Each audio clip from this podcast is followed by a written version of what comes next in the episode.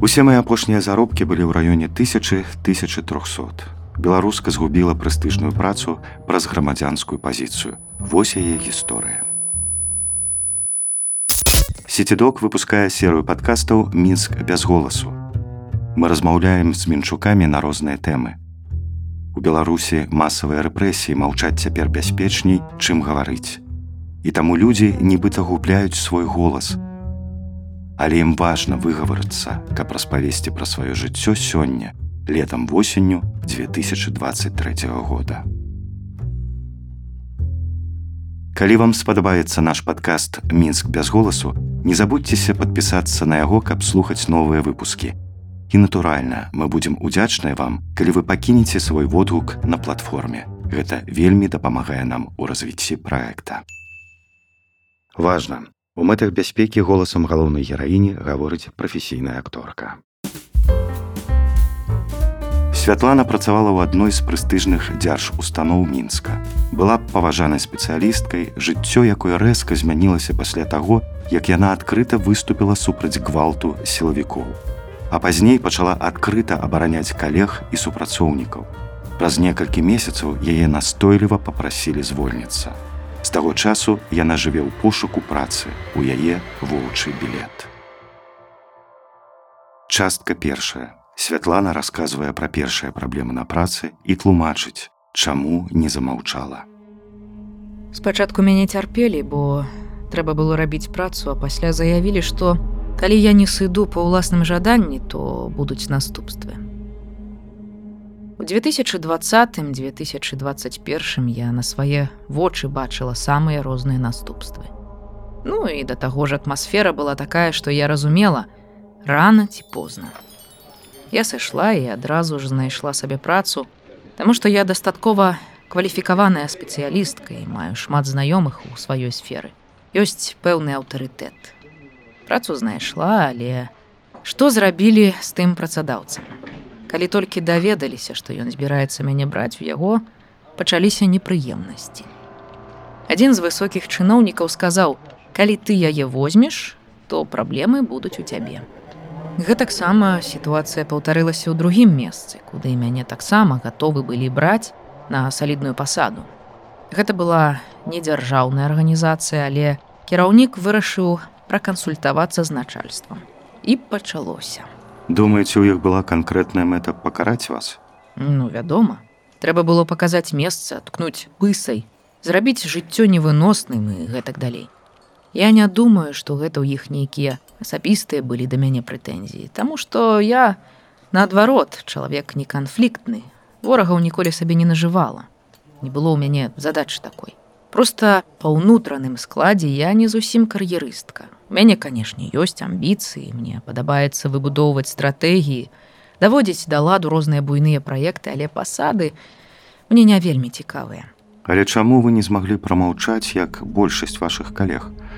ці чаму не з'язджаеце бо мне трэба сваім родным у вочы глядзець людзі якія цяпер твораць гэтую ўсю брыдоту я не разумею як яны будуць жыць далей і я і яны разумеюць што гэта ўсё некалі скончыцца і будзе іншы час. Цяпер ты просто выбіраеш той ці іншы бок. Гэта абсалютна натуральна. Падобнае здаралася праз усю гісторыю маёй сям'і. Мы захоўваем памяць пра рэпрасаваных родзічаў. Ёсць цэлая куча фактараў, чаму я не магу з'ехаць. Першыя старыя бацькі, яны непад'ёмныя, іх не пацягнеш кудысьці за сабой. Другое банальна адсутнасць капіталу, каб я вольна адчувала сябе за мяжой. Ну не зарабляла я столькі ў сваёй сферы, каб зрабіць нейкія нармальныя запасы. Некаторыя, канешне, робяць, але не зусім законным чынам. Я такімі рэчамі не займалася, таму не было ў мяне столькі грошай, каб з'ехаць. І самае галоўнае, з якой радасці, Чаму гэта мы павінны з'язджаць са свайго дому. Дарэчы, тыя, хто прамаўчаў і застаўся ва ўстанове, атрымліваюць лепшыя грошы. Я размаўляла з былой калегай і яна жалілася, але хутчэй рабіла выгляд а я, які ў нас тут жах, што робіцца, усіх паразганялі, няма каму працаваць, але з грашыма неяк так лепш стала непрыемна было гэта слухаць. Частка другая, як святлану выгналі з працы падчас мерапрыемства.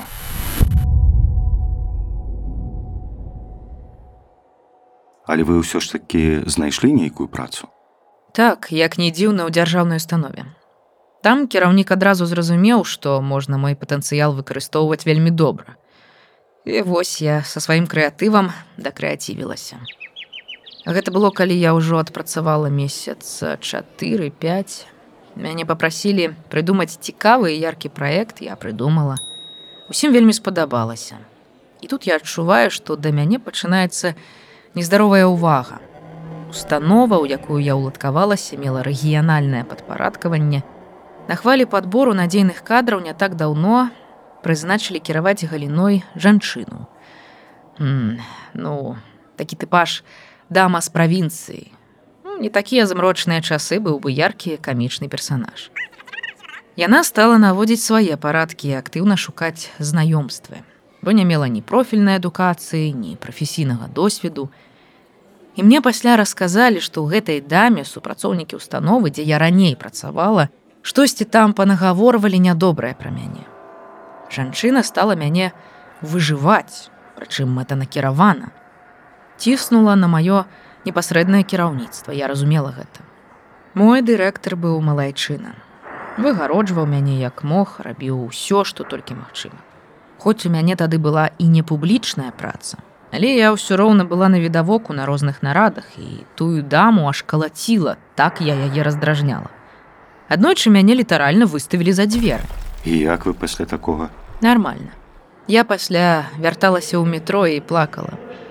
Не тое што ў мяне нейкія эмоцыі былі просто такая спустошанасць думала ну што рабіць што ж мне рабіць але ў мяне такі дурны характар я як тая жаба увесь час лапамі болтаю роўна ў гэты ж дзень калі мяне выправадзілі я даехала да свайго раёна і думаю ўсё роўна штосьці трэба рабіць і я пайшла не дадому а трошки ў іншы бок узгадала, што там ёсць прыватная установа, дзе я б магла быць карыснай сваімі ведамі і досведам. Заходжу, там сядзіць дзяўчына. Я ёй вывальваю ўсю гісторыю адразу і кажу: вам патрэбная добрая спецыялістка. Яна бедная ў шоку ад усяго таго, што робіцца, глядзіць, слухае мяне. А пасля кажа: я паразмаўляю. Гэта было раніцай, а ўжо вечарам пасля кароткага сумоўя мяне ўзялі на працу. Доўга там працавалі? Не, бо было немагчыма. Немагчыма ў сэнсе, проста праца не ваша.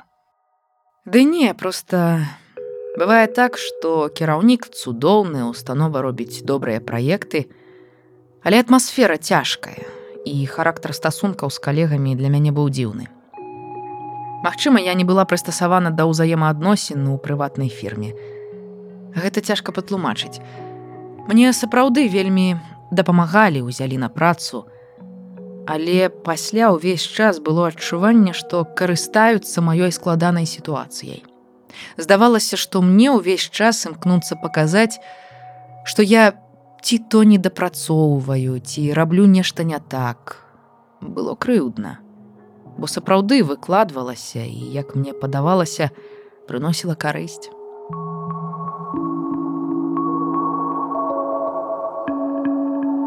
Частка трэцяя пра тое, колькі можна атрымліваць на высокай пасадзе ў дзярж установах. Адтуль я збегла ў яшчэ адну недзяржаўную установу займацца працай падобнай на тую, якая была ў мяне да 2020 года. Думала, ну класненька, я ведаю добра ўсю гэту сферу, магу быць карыснай, установа недзяржаўная, ўсё нармальна. Толькі адразу перапытала, як там, ці няма ціску з ідэалогіяй. Не кажуць, нармальна, нармальна, ўсё добра. Як толькі я прыступіла да працы, зразумела, што гэта проста нейкае пекла. Цяпер недзяржаўныя установы ў гэтай сферы знаходзяцца пад велізарным прэсінгам. Таму стараюцца як могуць адпавядаць тым патрабаванням, якія ім прад'яўляюць чыноўнікі. Мая функцыя была рабіць кучу паперак, якія імітавалі бурную дзейнасць. Але яшчэ горш было кантактаваць з людзьмі, прасіць іх паўдзельнічаць у нейкіх ідыёцкіх мерапрыемствах, якія толькі перашкаджалі сапраўднай працы. ды яшчэ і сталі прымушаць уступаць у белую Русь. І гэта ўсё у недзяржаўнай арганізацыі. Я прапрацавала там зусім трошкі, сыходзіла ні з кім не пасварыўшыся, вельмі мілыя людзі, вельмі мілыя адносіны, але абавязкі жахлівыя. Яны так хутка мяне ўзялі, таму што ім патрэбен быў абавязкова чалавек, які адпавядаў бы кваліфікацыйным патрабаванням. Не разумею, нашто кваліфікацыя для такой дурной працы. А колькі плацілі? Усе мае апошнія заробкі былі ў раёне 1000-1300. Высокакваліфікаваны спецыяліст. Я, можа, вельмі вас здзіўлю. Калі я сыходзіла з працы, дзе ў мяне была салідная пасада, у самыя лепшыя часы выходзіла 2000, а так звычайна 1800. Частка чацвёртая. Святлана расказвае пра дэфіцыт кадраў і пра тое, што не дапамагае ў пошуках працы. Людзей звальняюць, праводзяць бясконцыя чысткі, ёсць чорныя спісы, то бок дэфіцыту кадраў наогул няма. Дэфіцыт страшэнны. Але вышэйшае кіраўніцтва гэта абсалютна не бянтэжыць. Ім пляваць. Гэта кіраўніцтва, якое цяпер прызначаюць па-першае, непрафесіяналы. Такое ўражанне, што свядома людзей без адпаведных прафесійных кампетэнцый тасуюць проста для таго, каб ім было не шкада. Што значыць ім было не шкада, не шкада звальняць людзей? Так, умоўна кажучы, на пасады, якія павінны займаць фізікі, прыходзяць фізрукі. Такія людзі не разумеюць, як цяжка выбудаваць мікрасвет у калектыве. Як цяжка падабраць не толькі добрых прафесіяналаў, але яшчэ і людзей, якія класна паміж сабой стасуюцца і могуць эфектыўна рабіць нейкія праекты. Як чалавек без адпаведнай адукацыі можа разумець, што адбываецца і якія праблемы існуюць, скажем, у навуцы. Ён настолькі далёка ад гэтага, што проста не ў стане ўсвядоміць, што гэта. А кіраўнікі устаноў, з якімі я сутыкалася, выдатна разумеюць маштабы катастрофы.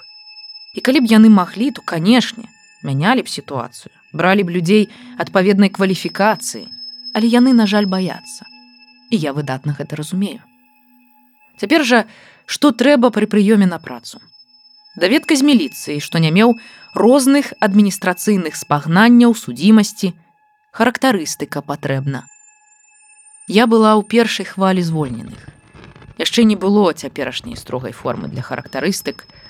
Наш кадравік, якога, дарэчы, потым таксама звольнілі, напісаў мне нармальную характарыстыку і мяне з ёй узялі на працу. Гэты цудоўны чалавек не толькі выратаваў мяне, але паспеў дапамагчы з характарыстыкамі яшчэ некаторым людзям. Адзінае, што мяне суцяшае, што ён ужо на пенсіі і што яму не так балюча, бо ёсць на што жыць нядаўна размаўляла з дастаткова вядомай асобай у сваёй галіне. Раней гэта быў вельмі буйнога маштабу кіраўнік. сядзець без працы. Мне падаецца, жанчыны гэта ўсё неяк прасцей пераносяць. Пагаджаюцца на не надта прывабныя ў плане аплаты прапановы. Жанчына часта цягне ўсё на сабе. Яна вымушана заткнуць свае амбіцыі. Магчыма, мужчыне, які быў у пэўным статусе і складаней, бо ён можа выклікаць пытанні ў патэнцыйнага працадаўцы.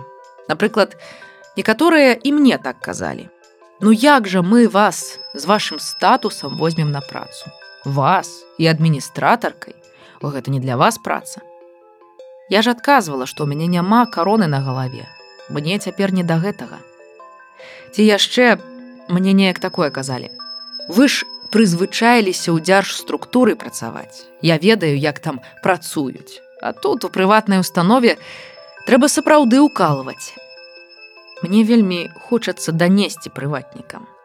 Вы не разумееце, што тыя людзі, якія аказаліся цяпер без працы праз свае погляды і займалі ў 2020-2021 высокія пасады, гэта менавіта дасведчаныя спецыялісты, якія могуць і ўмеюць працаваць бо тады маўчалі. І ў выніку засталіся на сваіх пасадах тыя, пад кім раней хісталіся крэслы. А людзі, якія былі ўпэўненыя ў сваіх прафесійных навыках і разумелі сабе кошт як спецыялістам, часта выказваліся даволі адкрыта. Як вы наогул шукаеце працу? Мне ніколі не дапамагалі ўсялякія парталы з вакансіямі, гэта толькі правакавала нейкія дзіўныя гісторыі. Калі я аказалася ў першы раз без працы, павесіла сваё рэзюме, мне сталі званіць з пытаннямі знаёмыя: « Ой, як гэта вы, а што гэта? Таму што не прынята ў нас сур'ёзным людзям шукаць працу такім чынам. Усё роўна шукаеш праз сарафаннае радыё праз знаёмых. Паўсюль плацяць каля гэтай тысячы паўсюль аднолькава. І я метадычна прагортваю сайты розных устаноў, шукаю, дзе ёсць якія прымальныя вакансіі. Праходжу сумоўі. То бок вы яшчэ не ўладкаваліся. Так я яшчэ не ўладкавалася. А колькі вам гадоў? Будзе 55. І тут таксама, дарэчы, сутыкаюся з праблемамі. Людзі гатовыя ўзяць менш дасведчанага, але маладзейшага супрацоўніка. Для мяне гэта не зусім зразумела. Ёсць працы, дзе маладыя людзі спрытнейшыя, але ёсць і тыя, у якіх досвед вельмі важны. Напрыклад, рэдактарская праца. Чым старэйшы рэдактар, тым больш якасна ён вычытвае тэкст. Бо ў зусім маладых людзей цяпер страчваецца культура мовы. У вас бывае, што няма за што жыць. М, Трошкі цісне. Бо адкуль мне ўзяць, за што жыць? Толькі зарабіць галавой і рукамі. Таму, канешне, мяне пужае перспектыва застацца без працы. Ну, зразумела, што я не застануся без падтрымкі. Калі мяне звальнялі з першай працы, я адчула гэту падтрымку. Вельмі моцна адчула. Людзі званілі, спачувалі, падтрымлівалі, выказвалі добрыя словы. Адна жанчына абсалютна нечакана вельмі моцна падтрымала мяне матэрыяльна. Як яна патлумачыла, за тое добрае, што вы калісьці зрабілі для мяне. Цяпер у вас, напэўна, шмат людзей з вашых знаёмых таксама без працы. Так, вельмі шмат. Канешне, разлічваць, што хтосьці кінецца табе дапамагаць не трэба. Трэба любым чынам штосьці прыдумляць і не губляць надзеі. Усё роўна штосьці прадпрымаць. Спадзяюся, што гэта магчыма. Калі вам спадабаўся наш падкаст мінск без голасу, не забудзьцеся падпісацца на яго, каб слухаць новыя выпускі. І натуральна, мы будзем удзячныя вам, калі вы пакінеце свой водгук на платформе. Гэта вельмі дапамагае нам у развіцці праекта.